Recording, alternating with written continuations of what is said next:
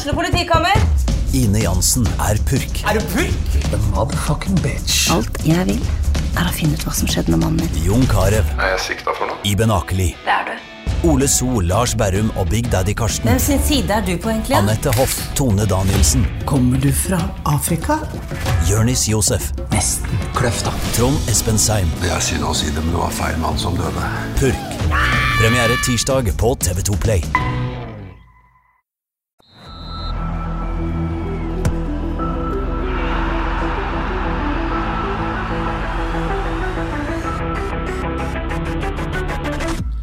Hei og velkommen til episode 135 av Frelst. Mitt navn er Terje Flateby, og i dag har vi flytta oss til Bømlo. Eller nærmere bestemt, er vi på Bremnes, Erik Mæland? Akkurat nå er vi på Neset. På Neset? Ja, helt vest på, på Bømlo. Så jeg har en, eh, en snill tante og en onkel som eh, bor her, som har fått låne uthuset til. Og det er relativt fin utsikt. Ja, altså, Det er jo en fantastisk eiendom og et fint hus, og vi sitter i ei utestue med, med utsikt over sjøen. Det er, det er sauer her, og det er nisser. og det, det, Dette er den eh, beste podkastomgivelsen jeg har vært i, i hvert fall. Ja, så kjekt. Ja, nei, det er fantastisk fint her. Jeg eh, har vært mye her, og hadde til og med min, eh, min 30-årsdag her ute, som har hatt en del eh, gode lag her. Til og med Kongsvinger støtteapparat har vært i denne uthuset her og hatt seg en skikkelig fest. Ja, Det er et bra sted for fest òg.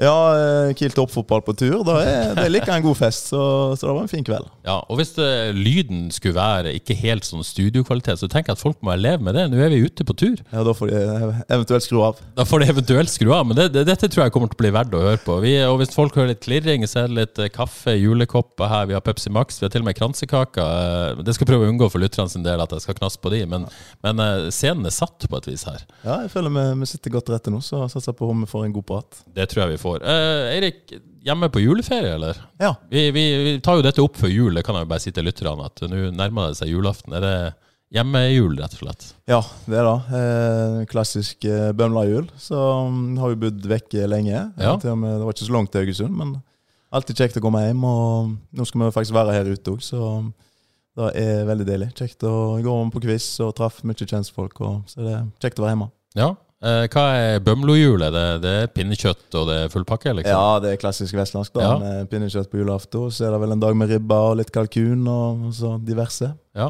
Og nå eh, når du har slutta å spille fotball, så kan du vel virkelig eh, jafse i det òg? Ja, jeg er litt bevisst på det ennå, men eh, jeg, tror, jeg er litt mer løssluppen på å ta meg en pils. Det Ja, det er kanskje der det, der det kiloene kommer, Det er eventuelt. Mer, ja, kanskje litt oftere. Ikke så mye, kanskje, men Nei. jeg kan ta meg inn i og ned. Det er lov å kose seg litt når man eh, tross alt har eh, ikke kost seg på mange år på den fronten. Ja, akkurat eh, da er det liksom deilig å ha, eh, ikke ha noe samvittighet for det. Samtidig så det han driver med i dag òg, det er ikke så Du må ha overskudd der òg, så det er viktig i den sammenhengen òg, faktisk. Men Det nå er, det, nå er det litt greit. Men holder du deg i form fortsatt, eller? Ser Ja. bra ut, da. Eh, ja, da er det jo. Nei da. Eh, eh, ja, jeg gjør det. da. Og det er litt for eh, Egentlig mest for psyken. Og Ja.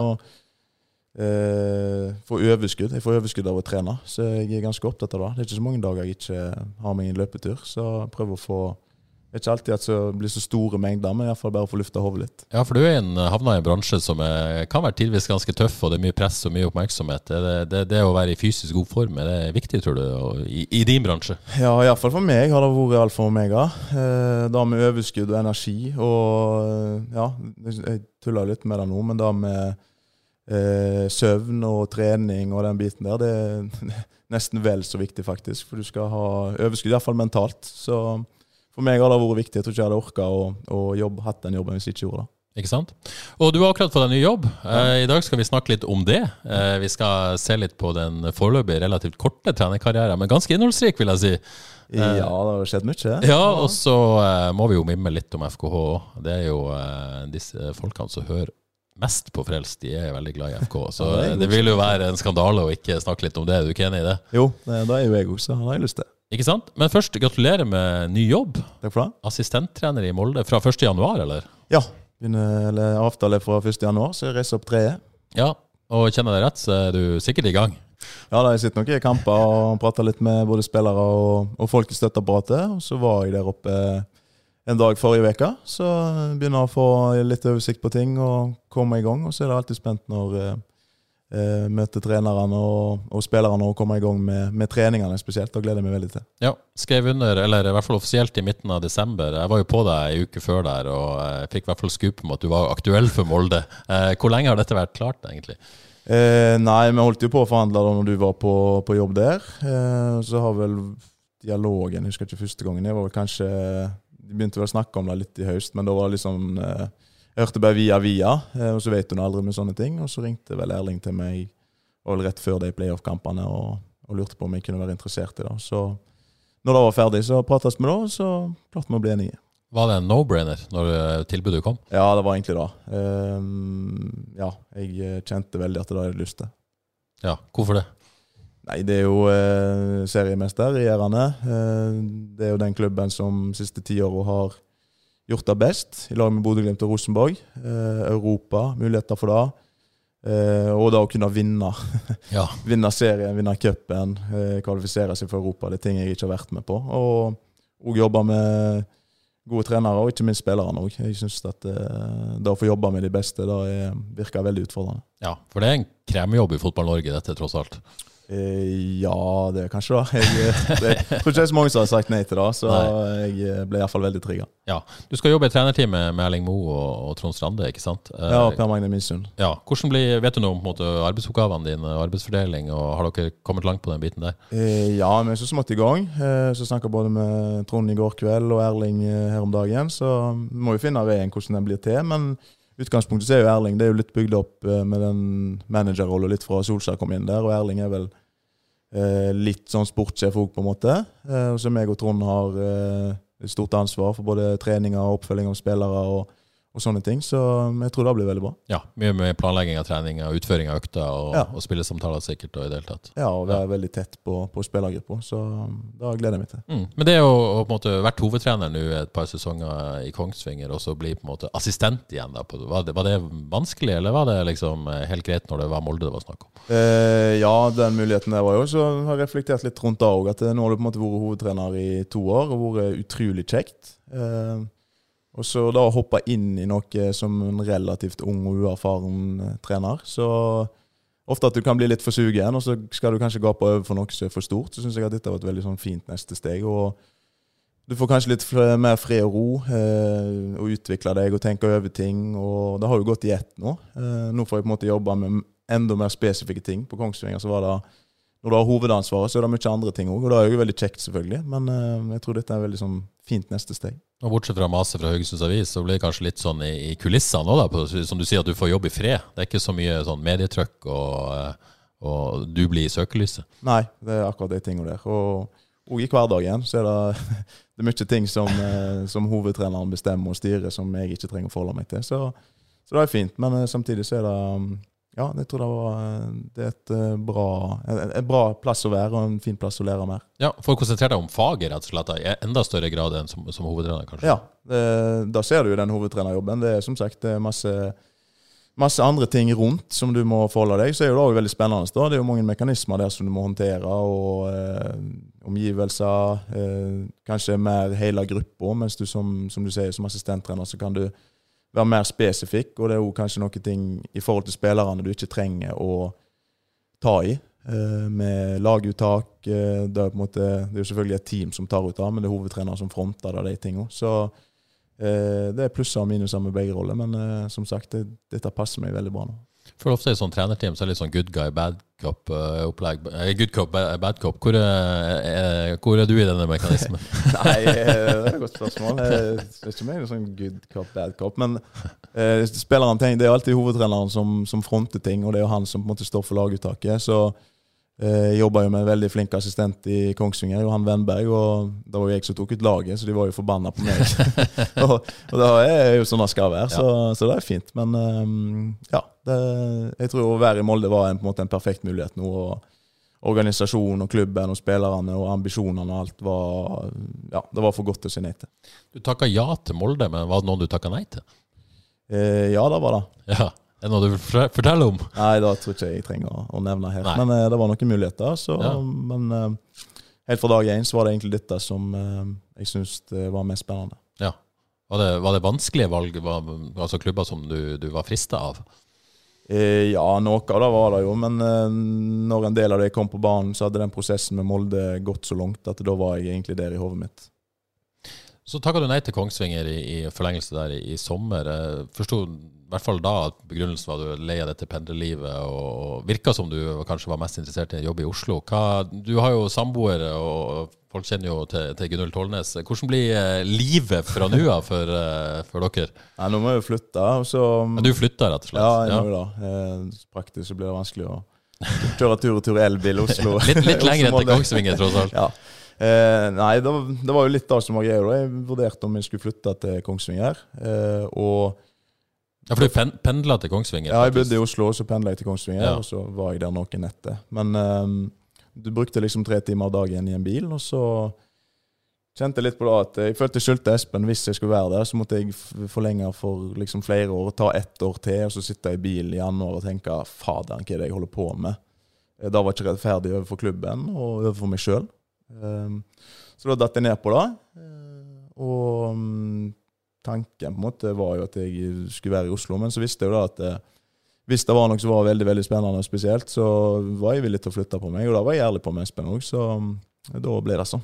Ja, dette er jo på en måte en sånn ting man ikke tenker så mye over, fotballtrenere og fotballspillere, egentlig. At man flytter rundt, og det er familie, og det er folk som blir påvirka av venner. og sånn. Var, var, det en vanskelig beslutning å, å dra det? Nå må du jo ikke bo fra hverandre rett og slett en periode her. Ja, for, for meg og Gunhild så er jo selvfølgelig ikke det ideelt. Eh, den hverdagen vi har i, i, lag er jo veldig, veldig bra. Så um, ideelt sett så hadde jo vi selvfølgelig bodd i lag, men uh, nå har hun en jobb i Oslo. jeg hadde lyst til dette. Og hun eh, var første hun sa når hun hørte om det, at det er det må du gjøre. Så ja. det var veldig sånn backing for henne på det. Så eh, vi skal få til det. Ja. Skrev, Gunhild skrev på Twitter at hun har offisielt feila som trønder når du eh, signerte for Molde. Er det, hva, var ikke drømmeklubben hennes, kanskje, tross alt? Nei, eh, det var jo ironisk nok så var vi oppe i Trondheim faktisk eh, den uka etter jeg hadde signert. Så ja. Uh, var, var ikke helt happy akkurat med det. Men uh, som sagt, hun ser uh, hvordan yrket er og den muligheten. Så. Men på hjemmebane der så er det vel ikke sånn i ekstase. Kanskje litt teit spørsmål, Eirik, men det, se på sosiale medier og sånn, så du blitt liksom del av et fotballmiljø i Oslo. Hva har det gjort med deg? Ja, godt spørsmål. altså, det, det, en ja.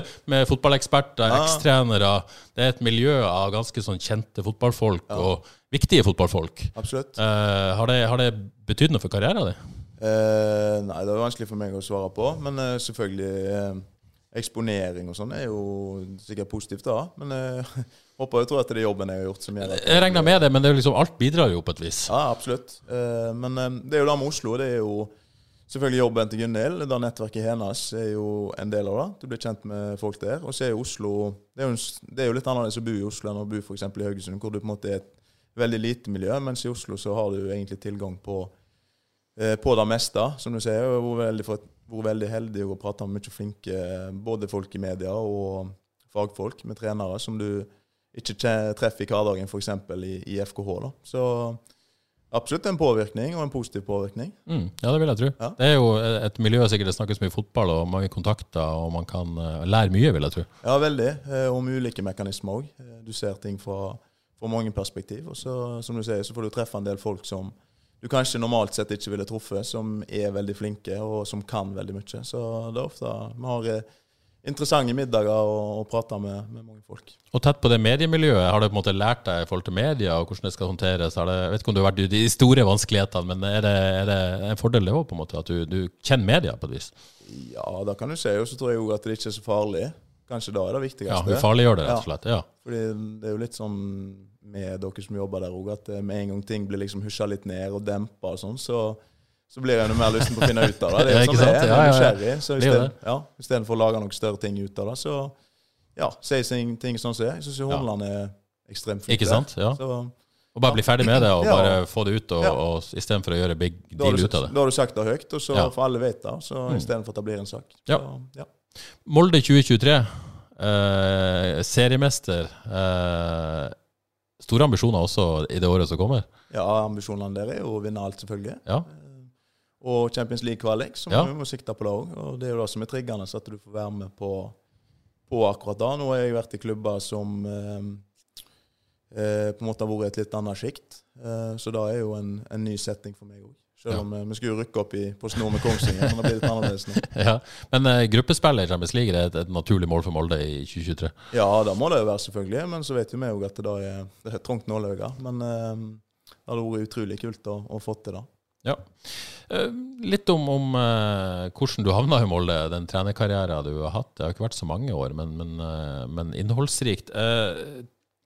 Er det rett å si at jeg tipper de fleste som, som kjenner deg fra før og tida som fotballspiller, at det er kanskje ikke noe overraskelse at du havna opp i dette yrket? Er du enig i det, eller? Eh, ja, det er jeg jo enig i. Og så er det jo selvfølgelig litt tilfeldigheter òg. Eh, at det har blitt sånn som det har blitt. Eh, en ramla liksom inn i det. Men alltid hatt en veldig sånn nysgjerrighet for spillet. Og diskutert masse både med medspillere og med trenerne jeg har hatt. Og, og ja, tok B-kurset relativt tidlig. og jeg tror ikke jeg har tenkt at jeg skulle bli topptrener, men at jeg iallfall har lyst til å, ha muligheten til å være i fotball. Da har jeg tenkt. Og så ble det Kongsvinger, og så skjedde ting der. Og så ble en ferdig å spille. Han har vært mye skada.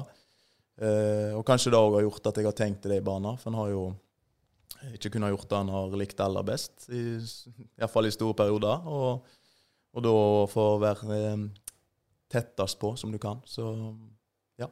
jeg tror du det kom litt tilbake til det, men det at du kanskje ikke har fått den spillekarrieren du kunne hatt, tror du det gjør en sult som trener, at du har fortsatt mye å oppnå og, og i fotballen? At du liksom har masse du liksom har ugjort, da?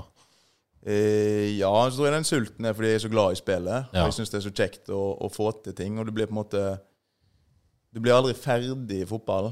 Eh, og det er jo da Det er jo litt sånn det der, det er en sånn Alltid en ny kamp? Ja, det er jo da. sant? Du har vunnet en kamp på søndagen, og så er det verdens beste følelse, både som spiller og som trener. Eh, som spiller så hadde du den kanskje litt lenger, faktisk. Mm. Du kunne bruke søndagskvelden og til og med mandag, og kanskje kjenne litt på tirsdag òg, og så måtte du på jobb igjen på onsdag. Men eh, nå har det vært sånn at du eh, har vunnet kampen, og så eh, går du på kontoret, og så reflekterer du litt rundt ting der, og så kjører du i bilen til til Oslo, så sitter du der, tar noen telefoner, og så er det fra Kløfta inn.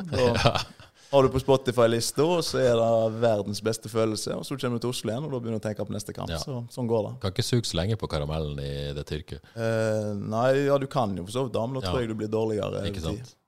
Hva, eh, litt om deg. Hva er det som gjør deg egnet til å være trener? Sånne kvaliteter som menneske, går det an å si noe om det? Eh, jeg tror jeg er bra å knytte relasjoner til folk rundt meg. Eh, vise at jeg bryr meg. Og så tror jeg jeg tar læring ganske fort. Ja, de tingene der. Fordi mm. det med fotballfag og sånn, det er så ekstremt mye flinke folk, fotballtrenere nå. De kan så mye. Det er så mye tilgjengelig. Det er så mange som ser fotball. Så der tror jeg er sånn midt på treet. Men jeg tror jeg har noen forutsetninger ut fra det med, med relasjoner og læring og, og samarbeide med folk òg. Mm. Ja, hvor viktig er det i moderne toppfotball, det å, å ja, kunne behandle folk? Og ha, få relasjoner med folk og få folk til å ville gjøre det du vil? Jeg tror det er viktigere og viktigere. Og eh, jeg skal ikke si min generasjon, men de før meg, det, det var nok et mye tøffere og hardere miljø da. hvor det var på en måte den sterkestes rett. Og så, sånn er det ikke lenger. Eh, du skal få mer ut av dem. Og eh, ja, de må behandles på en annen måte. og Det tror jeg blir positivt òg. Ja, for før var liksom mer autoritære trenere og, og den generasjonen. Uh, og det ser man jo kanskje i samfunnet ellers òg, men at man må på en måte være mer eh, en annen type nå ja. for å få folk til å prestere. Ja, og det var et tydeligere hierarki før på ting. Og det er jo positive ting med det òg. Jeg tror det er viktig å ha et hierarki i en fotballgarderobe. og at de yngre spillerne og vet hvem som på en måte bestemmer, og hvem som setter standarden. Men så er du òg avhengig av at de etablerte guttene vet hva som kreves, og hvordan kulturen skal være. For det er jo det som setter den. Ja. Jeg hadde jo Kevin Martin Krygård som eh, gjest her i podkast for noen uker siden. Du hørte det, ja, der, der du satt har gått på plass. Er det sånn det må være? Ja, jeg tror Kevin hadde godt av den praten der. For han brukte jo å, å surre noen år. Og så er det jo unge gutter, og de er Eh, modenheten er jo forskjellig fra folk til folk. Noen er voksen som 16-åring, og noen er voksen som 25-åring. Eh, og Kevin brukte noen år på det, så hadde vi en episode der så jeg, jeg tror han hadde godt av. Og jeg hadde jo selvfølgelig rett. Ja. Men er det noe viktig at, at også spillere i en garderobe, at ikke bare er trenerne, at det er spillerne som tar det ansvaret, og, og de etablerte, og hjelper de unge på rett vei, på, på, gjerne en tøff måte, da? Ja, jeg tror det er veldig effektfullt, fordi eh, Eh, Og da har vi pratet en del om, om de etablerte spillerne i Kongsvinger, og få bruke det inn i gruppa. For det er som sagt, de setter standarden, og det er de som eh, Du blir påvirka på en helt annen måte hvor en sjef kanskje litt mer distansert, men eh, hvis Odd Kåre hadde kommet til deg og satt deg på plass på noen ting, så, så betyr det litt mer. Og det, det kan kanskje være litt mer sårende òg der og da, men hvis en ser at eh, dette Som Kevin, fordi fordi vi hadde et godt forhold, så jeg visste at han, han visste at jeg ville hans beste. Ikke sant? Så jeg tror den effekten er veldig stor. Ja, og det, at det ligger i bunnen, at du vil hans beste, at folk vet det, det er vel utrolig viktig. da. Ja, den må, den må ligge der, for Ja. hvis ikke så blir det jo bare, bare Det må være tillit liksom Ja. i, i relasjonen. Ja. Så er det ganske stor forskjell på å være en god trener på feltet og det å være en god hovedtrener med alt som, som det, det med media, det med press, det med politikk i klubb. Altså Det er sikkert mye greier, og, og selv i Kongsvinger og i FKH og Molde. Eh, Hvor stor forskjell er det på, på de rollene, egentlig? Og, Eh, nei, Du var jo inne på det i sted, at du skal inn i en, en annen rolle nå. ja, og så tror jeg jo politikken og greiene er mye større i Molde. Eh, Erling har, har jo mye, mye mer å forholde seg til enn en jeg hadde i Kongsvinger. Jeg hadde på en måte eh, jeg hadde jo en veldig flink sportssjef i Espen, som jeg på en måte forholdt meg til han. Og så tok jo han òg veldig mye av en del ting der. Men så er det jo selvfølgelig media og supportere og sånne ting. Men jeg tror jo at fokuset må være på den jobben du skal gjøre. Og så Det er veldig mange fotballtrenere som vi kanskje var litt inne på, som går inn i den der eh, Du begynner å ta fighter med å bruke energi på ting som du ikke behøver. Ja, Og det var jeg veldig heldig. og Jeg har jo Karl Oskar Emberland, eksempel, som jeg har brukt mye både som spiller og pratet en del med nå. og Han, han er veldig opptatt av det, å bruke tid på det som betyr noe. og hvis jeg skal tenke hva de skriver om meg i aviser, eller hva noen sier om meg der, og sånn, da, da gjør du en dårligere jobb, og da blir du påvirka til å ta dårligere avgjørelser. Så det å klare å holde fokus, det er viktig. Ja, La oss snakke litt om inspirasjonskilder. Du har allerede nevnt Erik Horneland, du har nevnt Karl Oskar Embland. Jeg husker vel allerede som spiller at du hadde Karl Oskar som en slags mentor. Eh, vel før han var kommet til FKH, ikke sant? Ja, det var litt tilfeldig, da. Ja. Det var jo før eh, 2010, da, det da året med Eller første år i Tippeligaen. Så skulle Oskar skrive prolisens, så brukte han meg i oppgaver der. Og da um, begynte vi å diskutere fotball, og han utfordra meg på en del ting. Og da var det jo disse tingene her med mentale innganger til, til, til kamper og treninger, og da være forberedt, og da være på jobb hver eneste dag og være konsistent i, i det du gjør. Og ikke minst fokus. Jeg husker og siste eh, treningskampen før um, første kampen mot Brann i 2010. Da spilte Juska Savolainen. De hadde jo henta han, Finn, fra, som var finsk landslagsspiller. Ble ingen stor suksess. Nei, han ble ikke det. Eh, Men han starta siste treningskampen, og så kom jeg opp var på La Manga opp og i leiligheten, og så ringte Oskar og sa han stressa nå. Høres ut som han. Ja, ja, ja, jeg. ja, ja, nå kjenner jeg litt på det, sier jeg. Ja, ja, slapp av, du spiller, du. Og så Ja. var det fokus inn på det vi skulle gjøre, og forberede seg i treningsuka. Så jeg har lært masse av han på det. Ja. Eh, snakker du litt om, om Erik Hornland. Du har vært tydelig på, din, eh, på måte, hva du har lært av han. Hvor viktig har han vært i, i, i karrieren din, og ikke minst måte, det du står i nå? Jeg er veldig. Eh, Eirik var jo jo kaptein på A-laget når jeg kom, og tok veldig godt vare på meg da. Eh, husker jeg hadde, kom ned til Haugesund ettermiddagen ettermiddag en søndagskveld. Og så skulle jeg ha tak i noen nøkler til noen, noen baller på jeg på Haralds, eller på Gymnasbanen og trene. Fikk ikke tak i Regi, og så sendte jeg melding til Håndland. Og så ja, hva er det du skal? Nei, jeg skal trene. Og så eh, ringte han etter ti minutter. Ja, jeg kommer og henter deg nå. Og så tok han meg med ut og, og trente. Og fra egentlig fra det øyeblikket der så har jeg stolt på han, og jeg vet han bryr seg om meg. Og ja, Vi har et veldig godt forhold. Og Erik òg er der med, med hardt arbeid og ydmykhet og ta læring og, og det med fokus. Der er han, eh, han er veldig god. Jeg tenker Det må være utrolig viktig å ha folk du kan snakke med som vet hva du står i. Som kjenner situasjonene og har vært i de sjøl. Hvor, hvor viktig er det å ha sånne folk rundt seg? Er jo ekstremt viktig. Og spesielt de to som har vært med på det da de har vært. Og da tror jeg òg har gitt meg mye ballast. Altså alle de folka som vi prater om som kan snakke med i Oslo og sånne ting, det er nå greit nok. Men eh, de to, den, du får en helt annen nærhet til ting og forståelse av ting og sånn. Så, og hva som er viktig. Eh, da snakker de mye om hva er det som er egentlig viktig. Og det, er, det er ikke alt som skjer rundt, men det, det er jobben du gjør, òg, at du har det bra og fint, og at det er kjekt. Fotball er jo, er jo veldig kjekt. Ja. Det har vært kjekt for deg å se den, den, eh, det Eirik har fått til i Bergen, og den, den hyllesten han får nå. Ja, det er veldig fortjent. Og så Han er konsistent. Han går på jobb hver eneste dag.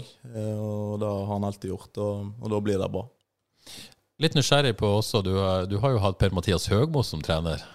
hvordan, hvordan var det, og lærte du noe av han? Eller? Ja, Per er jo ekstremt flink med relasjoner. Eh, veldig opptatt av eh, folk. Bruker masse tid på deg. Han brukte masse tid på, på meg. Og vi òg diskuterte masse. da, Kanskje ikke så mye på fag, men mer sånn ting rundt. og eh, ja, Han har jo en holistisk tilnærming, for deg som skjønner det ordet der. Jeg skjønte det ikke jeg heller i starten, men eh, ja, altså helheten. Husker jeg snakket med deg en gang Fredrikstad, dere hadde vært og dansa og Ja, jeg var yoga, ja. og vi var mindfulness, og, Ja.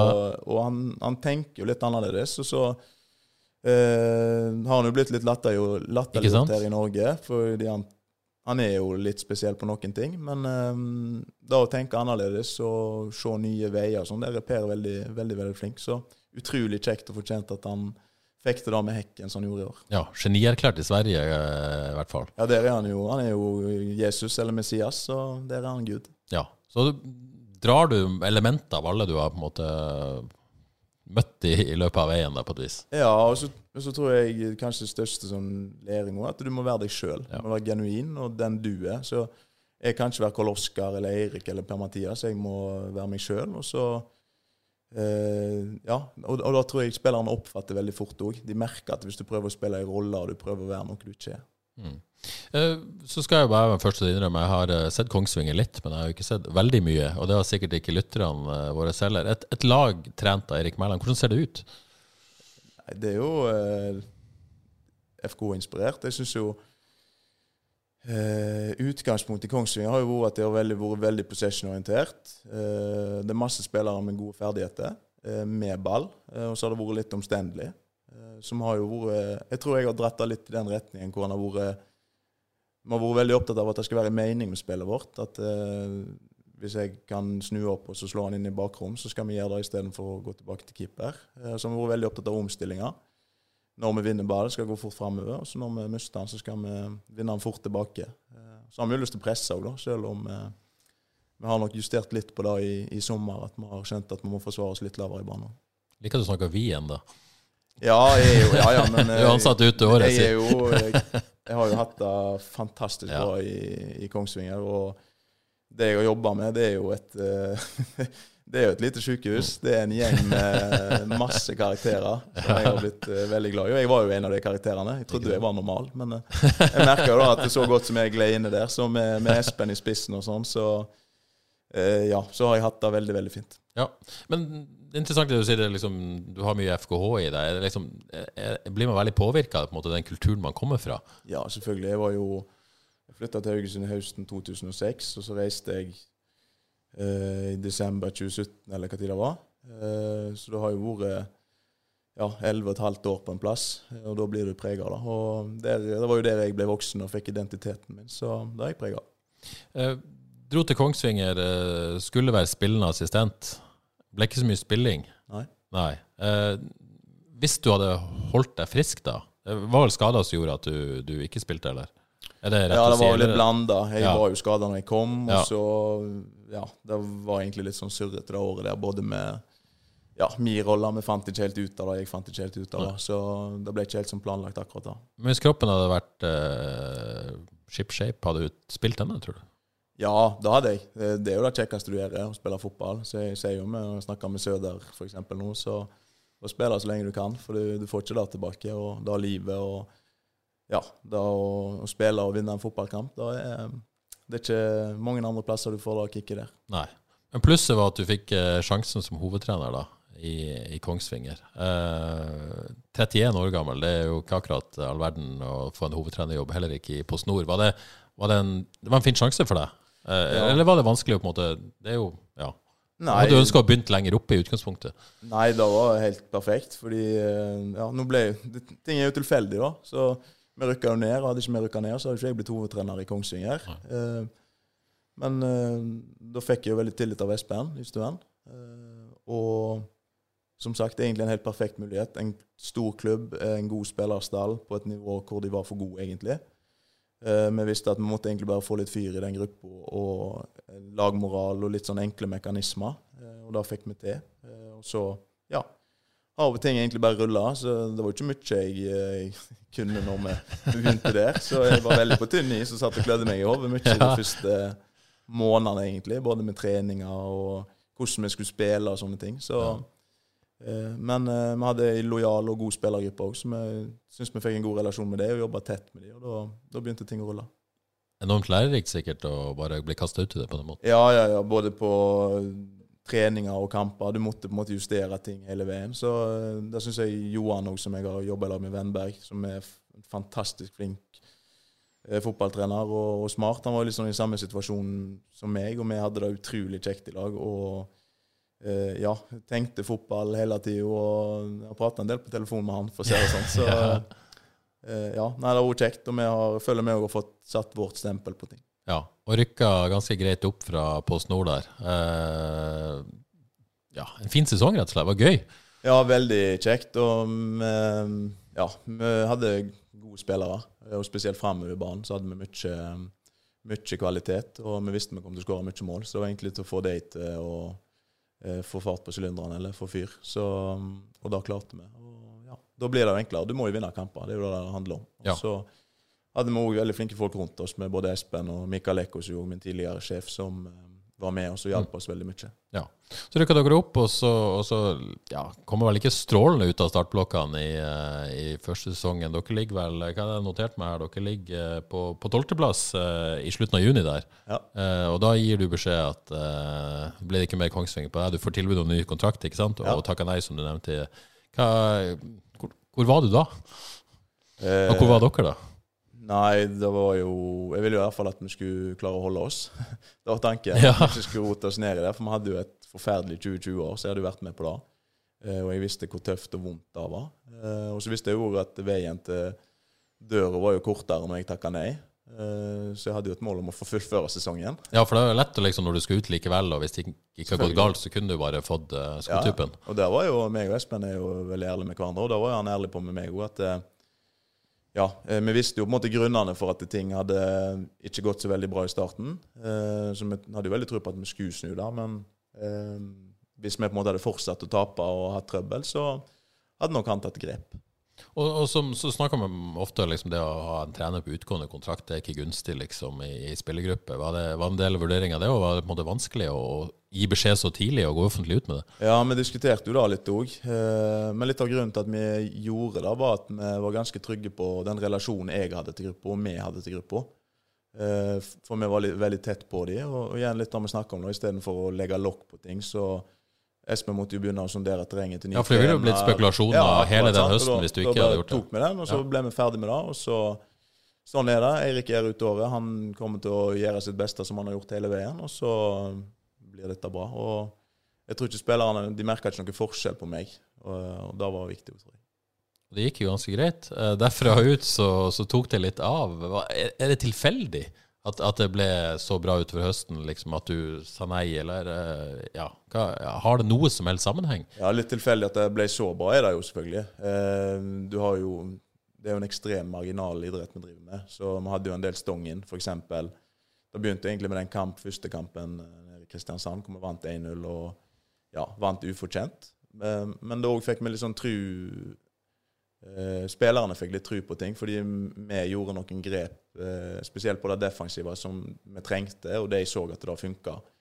Eh, og den lojaliteten der. Og så begynte jo ting å rulle, da. Og da ja, ble det bra. Men jeg er ganske sikker på at vi, vi hadde nok holdt oss på en grei måte, for vi hadde et såpass bra lag. Og så hadde vi Adam var ute, Jar var ute, Harald var ute, Krog var ute. Så det var liksom og flere òg, men fire-fem av de mest etablerte og beste spillerne våre var ute de første kampene. Og da, ikke bare på kampene, men treningene ble dårligere. Så brukte de litt tid på å komme i gang, men etter det så hadde vi et godt fotballag.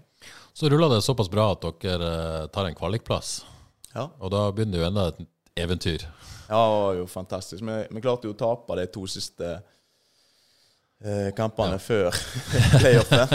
Så da var det jo tenkte vi ja, ja, dette er dette vits. Og, Ja, hva tenkte du før, ja, før kvaliken? Nei, jeg tenkte jo at eh, det her er alt mulig. Jeg syns egentlig da Sandnes-Ulf-laget passer oss ganske bra òg. Eh, for vi hadde spilt mot det et par uker før. Og de hadde egentlig ikke så lyst til å ha ball. Og vi var egentlig komfortable med å ha den. Så, Og hadde ingenting å tape når dere gikk inn i den kvaliken, kanskje? Og, og da var nok litt den eh, Vi spilte jo mot Shade på Nordre Åsen nest siste serierunde og tapte 4-0. Eh, og Da dreit jo jeg meg ut i garderoben i pausen. Eh, jeg, med hadde en inngang til ting at vi var litt bedre enn vi eh, trodde vi var, at Skeid var litt dårligere enn de var. Og da, istedenfor å gå inn og roe ting ned og justere litt ting på det defensive, og kanskje ikke være så offensiv, så gikk jeg litt på spillerne og åpna opp kampen. Og vi tapte 4-0, og det var min feil. Eh, men da lærte vi jo veldig mye av inn mot de kampene. da. Eh, både inngang til kamp og hva vi skulle gjøre underveis. og sånn. Så F.eks. når vi spilte mot Koffa i Oslo, og de skåra 1-0 tidlig der, så hadde vi på en måte vært gjennom mot Skeid. Da gir vi en erfaring. Ja. Ha den tålmodigheten å stå i det, rett og slett. Ja. og ja. Komme inn til pause og prøvde å spre en ro hvor ja. Ja, for dere slår Sandnes Ulf først, ja. 1-0, og så er det KFM Oslo i, i Oslo. Eh, snur den kampen. Vel skåring like før slutt der. Dram, dramatikk. Uh, voldsom dramatikk, egentlig. Ja, og igjen da med Stongen da, i alle de kampene, så ja. vinner vi 1-0, og vi skårer vel i 80 i alle ja. tre kampene. Men eh, jeg syns den Koffa-kampen var kanskje Eller da var den beste kampen vi, vi gjorde. Jeg syns den siste kampen mot Sandefjord var god, altså. Men den kampen i Oslo var veldig solid. Ja, Og så reiser dere til Kristiansand. Eh, møter kompis eh, Sindre Kjelmeland. Eh, ikke favoritt, for å si det mildt. Nei, eh, da var vi ikke Var det deilig å være i den posisjonen at dere bare kunne reise, og så alle trodde dere skulle tape? eller? Ja, og det var jo litt den inngangen. Vi skulle spille borte hele veien mot lag som var over oss på tabellen. Eh, men så hadde vi et godt momentum. Og jeg synes eh, den gruppa vi hadde Vi hadde gjort noen grep på sommeren nå, hvor vi ble litt mindre kjernegrupper de guttene Ja, det var ei veldig, veldig god gruppe, og lojale og, og, masse smarte spillere. Så ja, da klarte vi å få momentum der. Ja, og den kampen i Kristiansand det ble ganske dramatisk, det òg, med kort og ja, skåring like før slutt. og Det var, ja, det var meninga dere skulle vinne den kampen. For ja, si sånn. ja, ja, det alt rulla jo vårt vei der, så ja. jeg eh, fikk jo ja, jeg er jo en god kompis med Sindre. Så ja. ikke, du har jo lyst til å vinne på en litt annen måte samtidig, så er det jo ekstremt deilig. da. Så, men jeg sto på benken der og tenkte eh, dette kan vi ikke vinne, her må vi bare komme oss til en straffekonk, for vi hadde jo egentlig ingenting. Og så er dette spillet her sånn at eh, ja, Du ser nå bare på VM-finale hvor ting er, det ser helt svart ut, ja. og så plutselig så skjer det en ting, og et mål ut av det blå, så er det bang, 1-0. Det er vel derfor vi er så glad i dette spillet? det er ikke det? At, at, jo, jo, jo. Sånn kan det gå? Ja, og, og det er jo da òg som, som du må klare å balansere, spesielt som trener. Da, at det, det er så, Når det går bra, så er det ofte Det er noe som flyter litt din vei. Selvfølgelig du må være god nok og konsistent over tid, men eh, så er det akkurat motsatt òg når det går dårlig. Så er det ofte noen sånne småting som du ikke er litt tilfeldig. De skårer der, eller du får en mann utvist osv. Så, videre. så det er et fascinerende spill. Hadde du det i deg og syntes litt synd på Sindre der, eller? Eh, ja, jeg, av respekt for han og sånn, så går ikke å juble opp i trynet hans, for å si det sånn. Så, ja. Men eh, det var kjekt på bussen hjem. det, det er vel lov å synes. Og så reiser dere Sandefjord, og så er det faktisk siste hinderet på et vis før faktisk Eliteserien. Ja. Eh, men det blir tøft i Sandefjord, tap 4-0. Hva, hva, skjedde der? Nei, veldig eh, brutalt resultat. Men, første som skjedde, var jo at jeg skåra. Det var vi litt forberedt på. Uh, litt temposjokk for oss, uh, kvalitet. Men uh, når du ser kampen om igjen, så er det en ganske sånn jevn kamp. Men det har mer kvalitet enn oss på å gi avgjørende øyeblikk. Det er jo litt sånn banalt å si, men akkurat den kampen så var det sånn. Du sitter og analyserer kampen, så ja, på 3-0 der så har vi en sjanse så de er redde på streken, og så går det opp, og så chipper han inn i krysset, han Kurtovic. Så da, da, ble det vanskelig. Så akkurat da var han var tung, den, den bussturen var tung, og dagen etterpå var tung. Men så fikk du på en måte på fredagen og lørdagen, så du har tro på det. At det skårer vi først, og så begynner ting å rulle. Og, ja, og jeg syns vi jeg kan ikke skryte nok over spillerne, måten de håndterte det på, og måten de gikk inn til kampen på lørdagen òg og, og sto i ting der. Det var ekstremt bra. Ja, for dere slår Sandefjord 2-1 hjemme, men, men det, det, er ikke nok, da? på et vis? Nei, nei vi kom oss liksom aldri helt på skuddhold der. Men igjen, de, de sto i ting, og de Ja, litt av det du snakket om, da syns jeg gjenspeiler oss, at vi har hardt arbeid, og vi står i ting. og Eh, vi gir oss ikke selv om vi får litt motgang. Så det var i hvert fall veldig kjekt å se. Det at dere var en kjempeoutsider og ingen hadde trodd dere skulle være i den posisjonen, gjør det lettere å svelge et sånt tap, eller er det liksom, tenkte du at ah, Nei, kunne du hatt Kongsvinger i Eliteserien? Liksom? Ja, ja, det er det du tenker. Ja. Det er da. det du, du, er så nærme, og du Ja. Eh, og den torsdagen der, den var ekstremt vond. Altså. Det var vanskelig å gå på jobb da.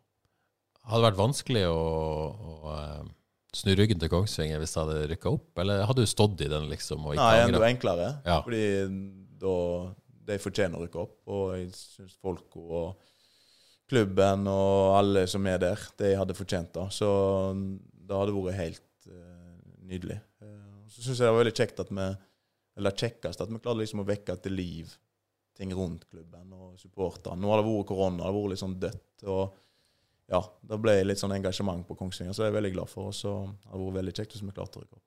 Ja, men da tross alt mye bedre å, å etterlate seg det du etterlater nå, enn en, den tolvteplassen i, i, sommer. Og, ja. og den entusiasmen og, som man kan bygge på, da. Ja, er, og ei spillergruppe òg som jeg syns er, er, veldig bra og fungerer veldig godt i lag. Og ja, det er masse gode folk der, både i og rundt laget med Espen i spissen og, og Johan og de som er igjen der. Så det er veldig godt rigga for at det skal bli bra. Den jobben du har gjort i høst, da, eller i, Kongsvinger, og spesielt den høsten, var, var den viktig tror du, for at du landa Molde-jobben? Hadde had du fått den uten den høsten? Eller uh, har det vært viktig for CV-en din, det, det du, vært, du, og Kongsvinger har vært gjennom? Uh, nei, Da må du nesten spørre Erling og, ja. og Molde om. Men uh, da kan nok ha hatt en innvirkning. Men så tror jeg òg at de har Jeg vet jeg har vært diskutert der tidligere òg. Så ja, det er litt vanskelig for meg å svare på, faktisk. Ja, men det, det, er jo et større bilde her, ja. på et vis. ja. Jeg, jeg, håper og tror det. Du håper og tror det. Det er ikke bare resultater.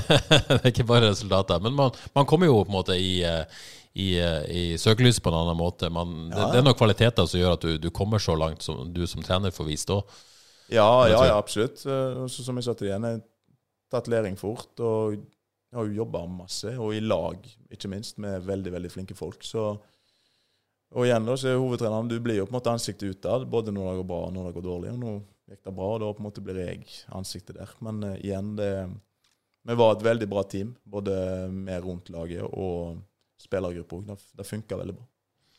Så må jeg spørre Tipper det er mange som på et eller annet tidspunkt har lyst til å se deg på trenerbenken på Haugesund stadion. På rett trenerbenk, rett og slett. Og jeg vet jo det er helt umulig å si, men er det noe du, du kan se for deg? Nei, jeg når jeg reiste fra FK, så tenkte jeg alltid at jeg skulle tilbake på et eller annet tidspunkt. Uh, da hadde jeg jo tenkt som spiller at jeg skulle egentlig bare restarte igjen, og så skulle jeg få noen fine år i FK til slutt. Og så I dette trenergenet så er du er så veldig nuet, så du vet ikke. Sant? Nå i sommer så var det sånn Får jeg fyken, eller skal jeg gjøre noe annet? Uh, så jeg tror det går mer på timing. Så uh, det må være rett for meg, og det må være rett for FK. så da vet jeg ikke. For det, Dette yrket det gjelder både som spillere og, trenere. Det er utrolig vanskelig å, å forutsi, og, ja. og, timing er så viktig. Ja. Og så er det jo det der som du sier med å være i vinden. sant? Det har jo litt å si. Eh, og jeg ser jo da bare Når vi spilte mot Start på søndagen i Kristiansand, så har jeg 100 meldinger på telefonen min etterpå. Og så taper vi 4-0 i Sandefjord, og det er to, og det er fra pappa og Gunhild. ja, så, så, sånn er jo mekanismene. sant? Uh, og ja, igjen, det handler om timing, og det handler om at det er uh, rett for FK, og det er rett for meg, uh, hvis det skulle skje en eller annen gang. Og så har jo FK et veldig godt trenerteam nå, så jeg regner med Jostein. Han blir vel over 100 år, så han kjører nok på videre der. Han. Det er ikke noe ledig jobb med det første? Si.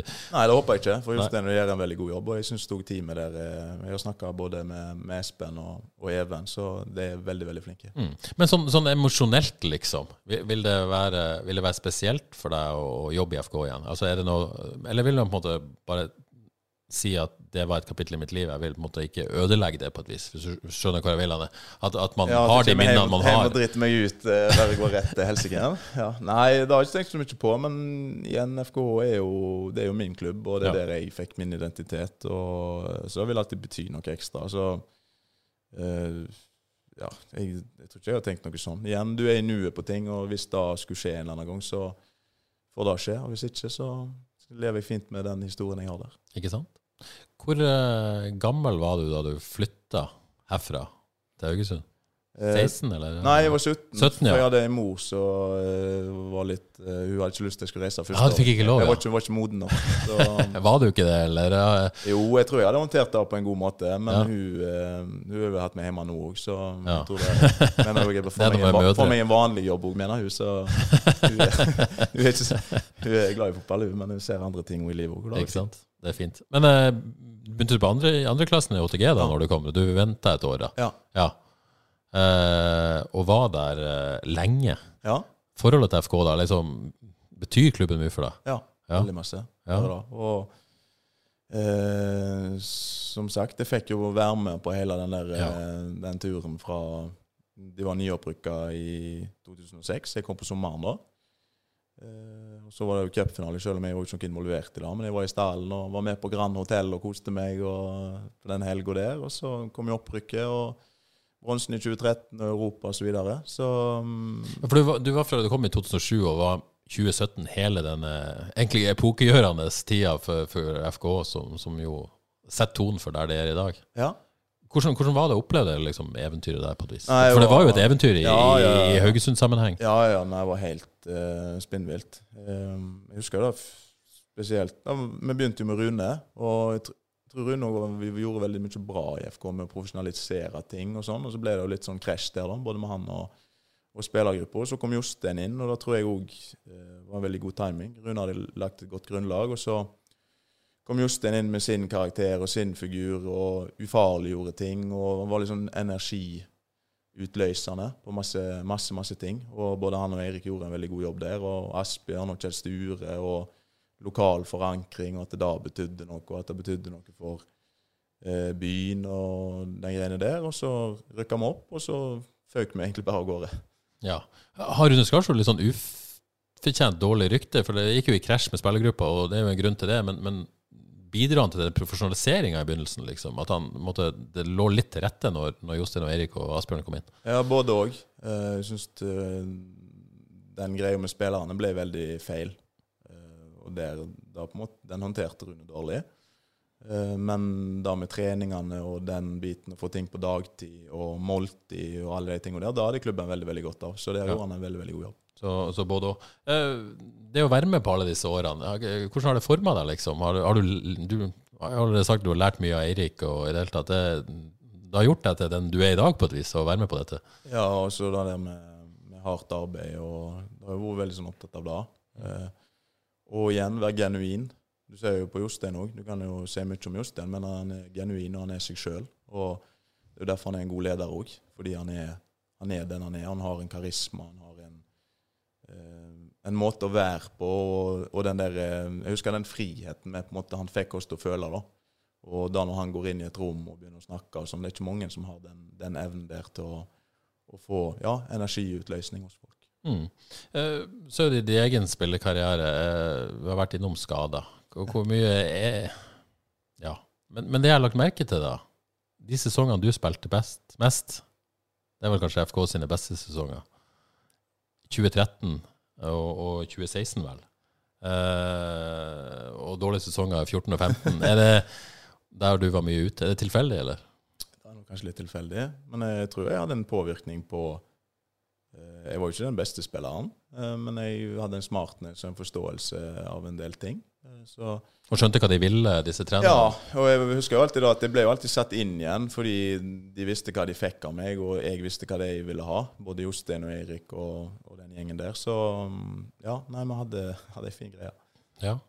Er det, er det noe det å tenke tilbake på, på skadene, er det du kunne gjort annerledes, sånn som du ser på det nå, i, i perspektivet, liksom, fra som, som trener, eller som Du har sikkert lært mye underveis òg.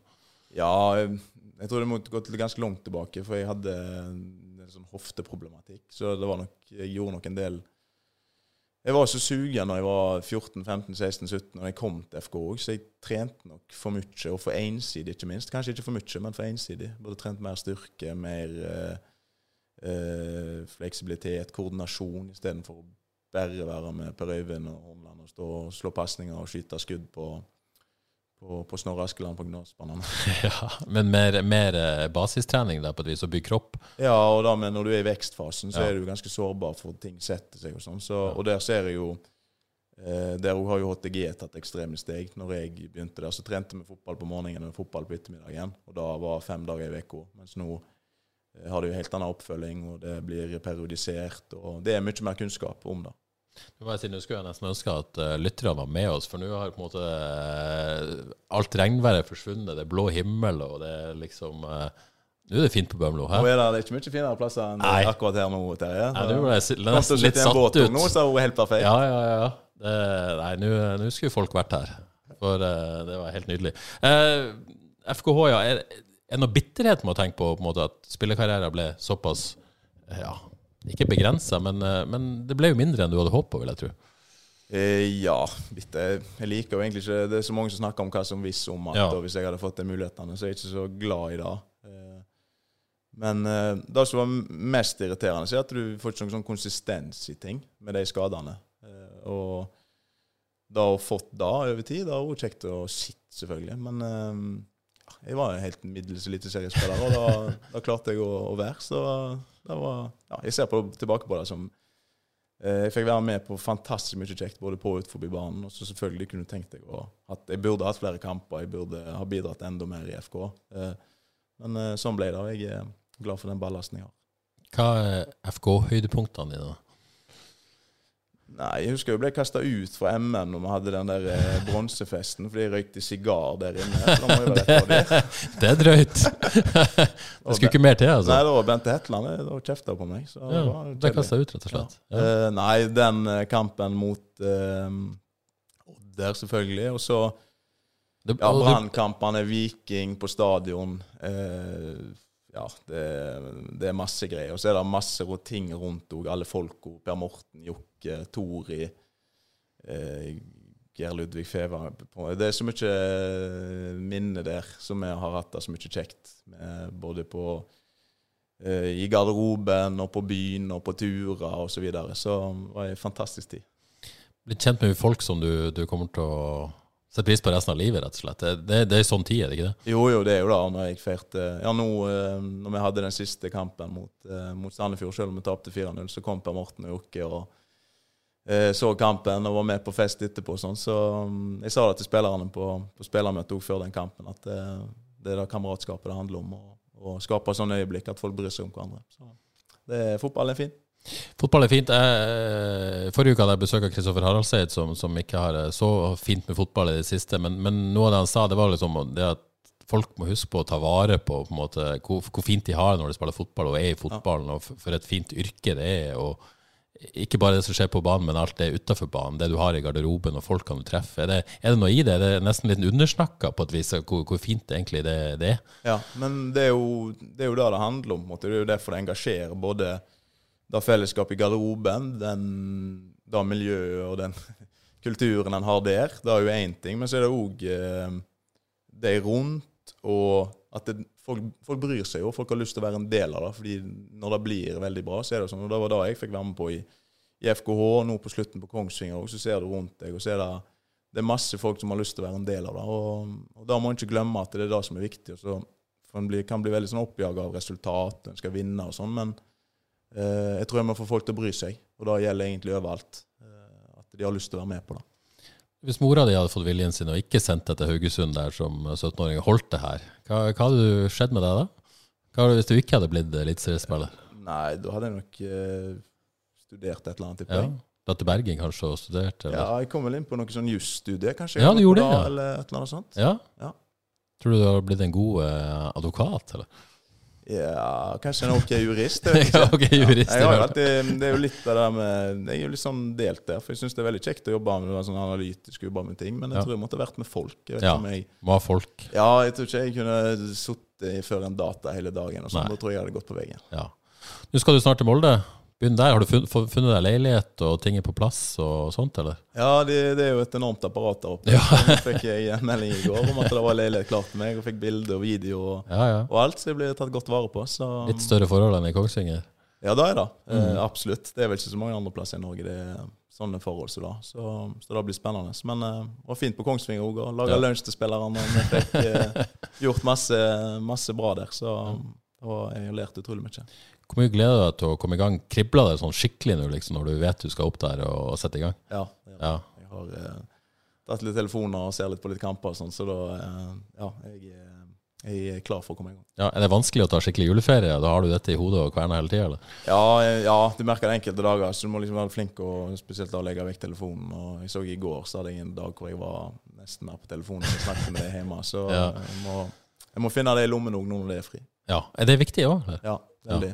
Da tror jeg det var viktig for meg å bo i Oslo, egentlig. For der fikk jeg på en måte et annet miljø og gjort andre ting enn å bare sitte og, og tenke på formasjoner og treninger. og lage inn der. Og da får du et litt sånn annet perspektiv. Det er lett å gå seg blind eller i den fella der. Ja. Får du det til i Molde? Det er lett Ja, å bli oppsugd i jobben der, Ja, jeg jeg må trene litt, og så må du finne sånne ting. Og så får jeg være litt i Oslo en dag, kanskje, og Ja. hjem på fly der, og så ja, gjøre sånne ting. Høres bra ut. Strålende, Erik. Tusen takk eh, for praten. Dette var skikkelig hyggelig. Og igjen, det. er jo så fint her nå at eh, det tar nesten av. Ja, vi får ut og hive ut noen tegn eller et eller annet. Ja, det var det vi skulle gjort. Det var det absolutt det vi skulle gjort. Tusen takk for praten. Eh, Lykke til i Molde, og så eh, blir det veldig spennende å se hvordan det går der. Takk for det. Jeg er spent selv. Og så er vi i eh, Frelste. Vi er tilbake om ei uke. Ha det bra.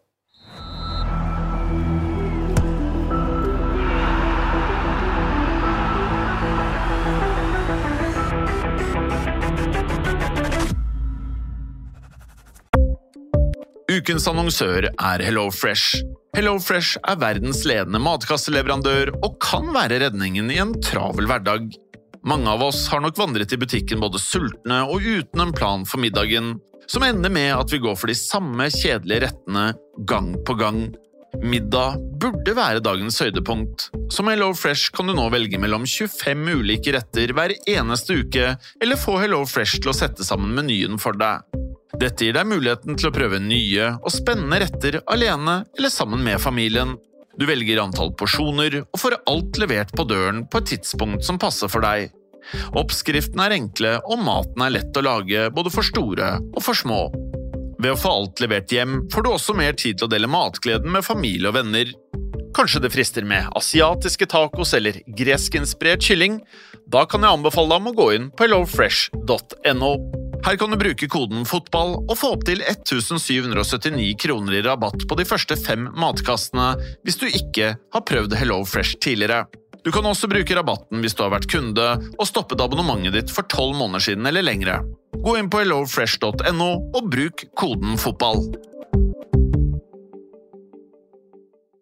Har du et enkeltpersonforetak eller en liten bedrift? Da er du sikkert lei av å høre meg snakke om hvor enkelt det er med kvitteringer og bilag i fiken, så vi eh, gir oss her, vi.